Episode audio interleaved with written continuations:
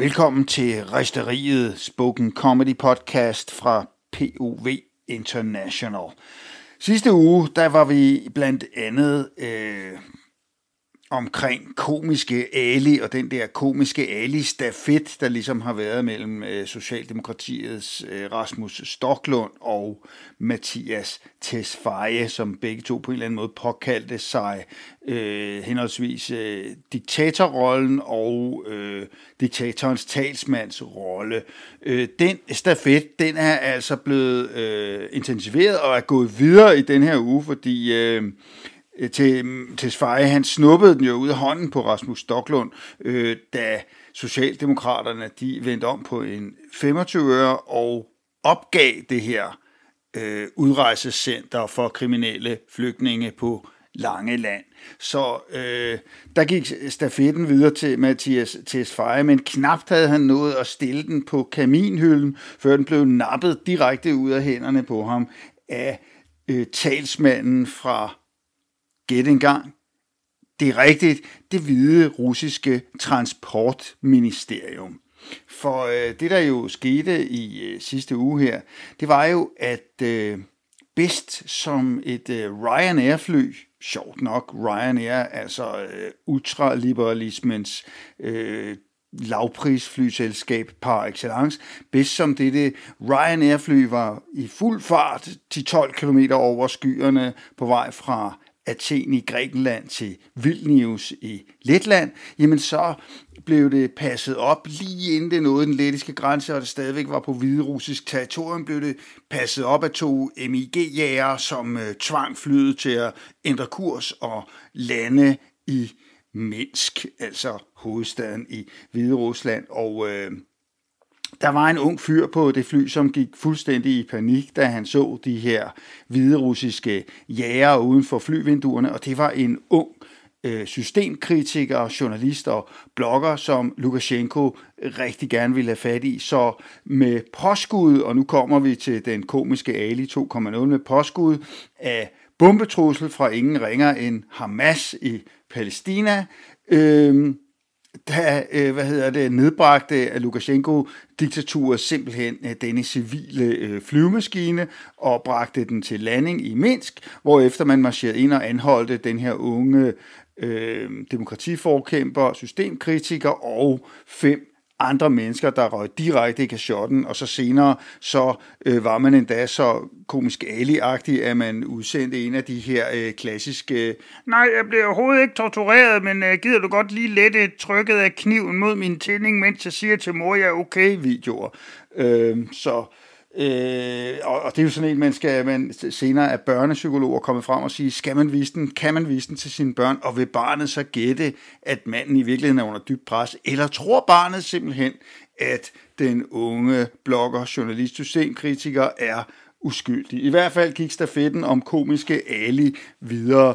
Øhm, men altså... Øhm, det var ikke kun coronapas og, og trofæer for ugens bedste komiske Ali, der blev svunget rundt i managen i denne her uge. Øh, altså øh, sidste øh, uge i resteriet var vi også omkring den her swingerklub i Kolding, som folk skulle i kø og ventede på at kunne komme ind og swinge. I denne her uge, der var det simpelthen en journalist, der var ude og svinge mikrofonen i bogstaveligste forstand på en af de her swingerklubber. Det var nemlig øh, en Radio 4-journalist, som øh, i den grad levede sig ind i rollen, som gik native, som under et besøg på en swingerklub i Ishøj, jeg tror den hed Swingerland, øh, meget apropos, øh, simpelthen øh, iført sig øh, sit øh, sorte blonde undertøj, og ellers gik i gang med at blive knaldet godt igennem på den her swingerklub, mens hun øh, simpelthen interviewede øh, andre til stede om, hvordan det føltes at stå og se på, at hun blev knippet, øh, mens hun øh, interviewet. Øh, det, var, det var meget, det har været meget interaktivt, og det har været en, en stor oplevelse, er jeg sikker på, for øh, dem i Svingerklubben og radiostationens øh, ledelse har selvfølgelig også været ude og forsvare den her fuldstændig øh, eksperimenterende og øh, ungdommelige og, og, og, og i den grad sådan i tidsånden journalistik. Øh, og man må da håbe, at det var en god oplevelse. Det lød i hvert fald sådan på lydklippet. Jeg har selv hørt det, og det lød øh, meget henført. Der var klasken, der var plasken, der var, der var øh, stønnen, der var højlydt stønnen, der var virkelig, virkelig, virkelig højlydt stønnen, og så var der faktisk endnu højere højlydt stønnen.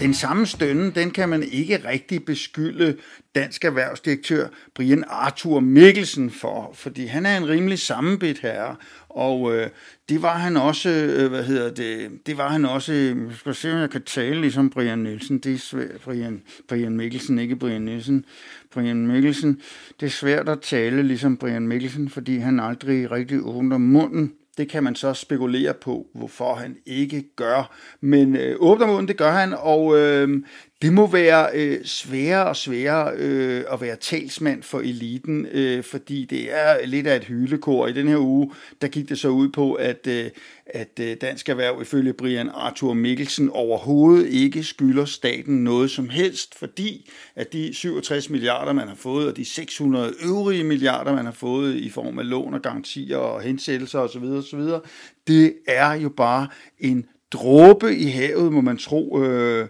Brian Arthur Mikkelsen øh, i forhold til, hvad man har lidt af tvangsekspropriationske tiltag og så videre. Så det er altså øh, ikke sådan at være talsmand for eliten, som i virkeligheden er blevet meget, meget rigere øh, i løbet af denne her, i denne her øh, frygtelige coronatid.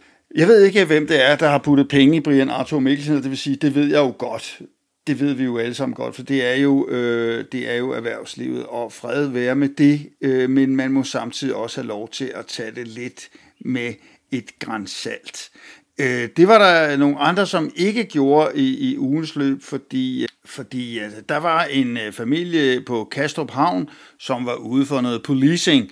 I hvert fald så var der en mand, der var meget gal på øh, en, øh, en indvandrerfamilie, skilt dem hedder jeg fra øh, ved Kastrup Havn. Og det optog konen så og lagde på Facebook, og så skete der altså noget. Så rejste alle politikere sig, øh, alle som en, og skreg ligesom i Invasion of the Body Snatchers, kan I huske den, hvor de til sidst Donald Sutherland blev den også filmatiseret med i, i, i, i 60'erne eller 70'erne, og, øh, og det var, øh, det, der er den her pragtfulde scene på den røde plads, hvor at øh, hele planeten er sådan set overtaget af de her aliens, de her body snatchers, og, og de meddeler, hinanden til, meddeler sig til hinanden ved at og sådan, og, og skrige, når de ser et menneske. Ikke? Og, og sådan var det næsten i den her uge, da den her video gik viralt. Altså politikere stod i kø øh, og var ved at falde over hinandens øh, Instagram-selfies for at, at lade vælgerne vide, at det synes de i hvert fald også var frygteligt, fordi sådan en racisme, den var jo helt vildt forfærdelig, og så var det bare Lars, så var det bare stakkels 50-årige eller 55-årige Lars fra Kastrup med en syg mor og en syg far, og øh, med gigt i hele kroppen, som havde siddet dernede og drukket nogle pilsner, og i øvrigt så havde manden vist skilt ham ud på arabisk først, men det, det er der så noget uenighed om, og uanset hvad. Men så var det selvfølgelig øh, en ordentlig røffel, og børnene blev kede af det, og det var da frygteligt. Men denne her virtue flagging igen, den her, altså de samme politikere, der har været ude med riven talrige gange, er ude og, og, og, og ved at falde over hinandens ben. Den her virtue flagging, den skal vi altså også passe lidt på med. Øh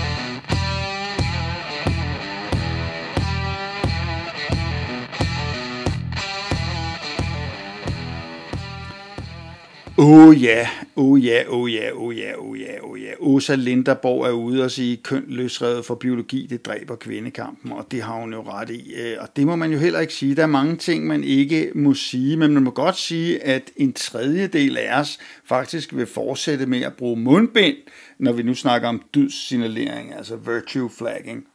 Det er ikke så lidt endda. Vi vil sikkert også fortsætte med at forære vores nem idé til Facebook, når det bliver tilladt lige om lidt, fordi vi skal jo øh, som vores øh, justitsminister Hækkerup øh, siger, så skal vi jo være, så føler vi os jo mest sikre, når vi er gennemovervåget, og når vi er totalt under kontrol. Så er vi altså sikrest, så har vi det bedst, og derfor så øh, arbejder man på at øh, overgive vores NemID til Facebook, så man jo slipper for alle disse øh, hadefulde ytringer. Og det er jo også rigtigt. Øh, der er jo en point i det, for det er jo løbet, øh, det er jo løbet fuldstændig løbsk øh, på øh, de sociale medier, og folk de flipper ud, og jeg må sige, som jeg også sagde sidste uge, mange af de ting, der bliver skrevet, det vil jeg ikke engang selv kunne skrive. Øh, det, er, det kræver altså et særligt, det, det kræver et særligt talent, den her trolling. Øhm, men man kan jo godt forstå, at folk bliver rasende. Der var i hvert fald en kvinde i Frankrig i ugens løb, som blev virkelig rasende. Hun blev faktisk så rasende, så hun slog sin stefar ihjel. Øh, det kan man så måske godt forstå, fordi at øh, han havde altså voldtaget hende og... Øh, og fangede hende og holdt hende som slave i 18 år, og så slap hun løs, og så blev hun rigtig gal, og så slog hun ham ihjel, og øh, skal hun så i fængsel, eller skal hun frikendes? Og det raser man så over i Frankrig, og i det hele taget så elsker vi at rase. Vi raser, alt kan få os til at rase, vi, vi, vi, vi bløder, vi raser, vi er virkelig meget rasende. Øhm, det gælder krigskongen Johan Bylov ikke, for han er nemlig rigere end nogensinde, og who the fuck cares, altså helt ærligt. Det er, øh, det er kun folk, der spiller lakrids, der bekymrer sig om det, og det, det gør jeg faktisk selv, for hvem gør ikke det her i landet? I hvert fald på ulige uger, og er der nogen, der kan finde rundt i det? Altså, hvem er det, der har opfundet det der ugesystem? Altså, man skal kende sit årsjul for at kende sit ugesystem. Og for at kende sit ugesystem, der skal man kende sin dagrytme, og nu kommer vi til det sjove, ikke? fordi vi er jo Altså, vi, er jo, vi befinder os jo altså i en dybt protestantisk, luthersk, evangelisk kultur, hvor øh, altså med tydelige undertoner fra bondekultur og stavnsbånd, og af en eller anden mærkelig grund, som der ikke er det fjerneste videnskabelige belæg for, altså som der heller ikke er den fjerneste sådan lystbetonede hedonistiske belæg for. Altså det vil sige, det er, hverken, det er hverken nødvendigt, det føles heller ikke godt, men vi er til sydlandet alligevel enige om, at vi skal op af sengen klokken 5 om morgenen, og hvis man er håndværker, jamen så skal man. Man skal i gang med at slibe vinduer og køre i kranbiler og larme og regere, når klokken er 5-6 stykker om morgenen, tidligst halv syv, så skal man være i fuld gang. Man er simpelthen i fuld gang med at kaste med brosten ude på byggepladsen, eller ude på fortoget, eller lige ved siden af dit soveværelse, hvor du ligger på tredje hvor man lige skal, man skal lige, man skal lige ordne noget med panelet, der ligger helt, helt tæt på soveværelset. Det skal ordnes først, og så ordner man de vinduer herude på staldbygningen, hvor der ikke er nogen, der hører det. Det ordner man så der ved middagstiden, når folk alligevel stået op, men der er sådan en trang til det der, og, der, og vi kender det jo alle sammen godt, den der med, når man så længe som ung, og, og, og, og forældrene kommer ind og siger, øh, skal du ikke op og have noget ud af dagen, og øh, nu skal du ikke sove hele dagen væk, og så videre. Og alt, hvad man havde lyst til, var at sove hele dagen væk, og det gjorde man også i gamle dage, det gjorde man også i middelalderen. Vi havde søvnrytmer, som var meget mere spredt ud over døgnet, hvor man sådan set godt kunne nappe en siesta, og så kunne man nuppe en aftenlur, og så kunne man også sove lidt om natten, og så kunne man være vågen lidt ind imellem, imellem, så kunne man lige have en aktiv periode der fra 2 til 4 øh, om natten, og så kunne man være lidt vågen, og så kunne man lige tage en lur igen, og, og, og det kunne vi godt lære noget af, fordi man har jo fundet ud af, at det er faktisk en genfejl, øh, det her A-menneske halløjsa, ikke? Det skulle jo forbydes. Simpelthen, det skulle jo forbydes. For det skulle simpelthen tvinges til at, nej, du skal ikke op nu, Preben. Du skal sove videre. Det skal du.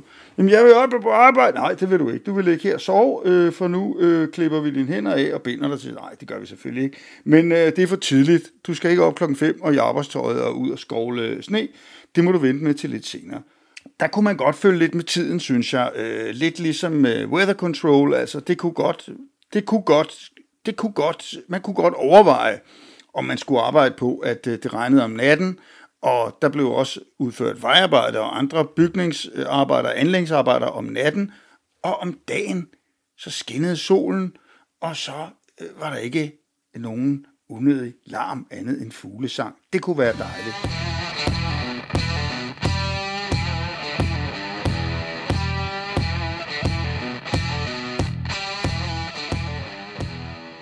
Det vil være en ændring, der der betød noget i forhold til det her med brændeovne inde i byerne. Det er også sådan noget dydssignalering, ikke? fordi øh, skidevær med alle de her dieselpartikler, som, øh, som sætter sig på, øh, på, på pollen, øh, så pollenene bliver sådan nogle superallergener øh, inde i alle storbyerne. Skidevær med, skidevær med dem. Nej, nej, det er de 200 brændeovne, der er problemet. Åh oh, ja, det siger Sofie Hestorp Andersen, som er den nye borgmesterkandidat, overborgmesterkandidat i København.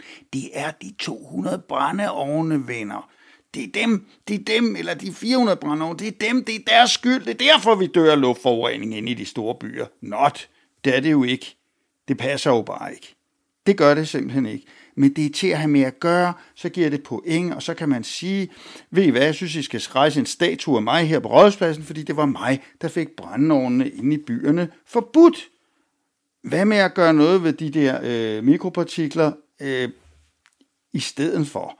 Gør noget ved handelsflåderne, gør noget ved de andre, som udleder massive øh, mængder af, af, af, af, af, af mikropartikulær forurening i stedet for. Og nu bliver det rigtig vigtigt, fordi den rigtige nyhed, og det er en rigtig frygtelig nyhed i ugens løb, jamen det er jo netop øh, forbundet med øh, allergener og allergi, fordi for 20 år siden, øh, der var der stort set ikke nogen allergikere i Danmark. Hvad var der? 5.000, 10.000, 50.000? Det var ikke noget at snakke om. Et lille Grønland måske, en lille befolkning, øh, gruppe, som, som, som led af høfeber og allergi. Jeg kan huske som barn, øh, jamen der hørte det til sjældenhederne, at man så et barn med røde øjne, det var måske en øh, ud af 30 børn. Ikke?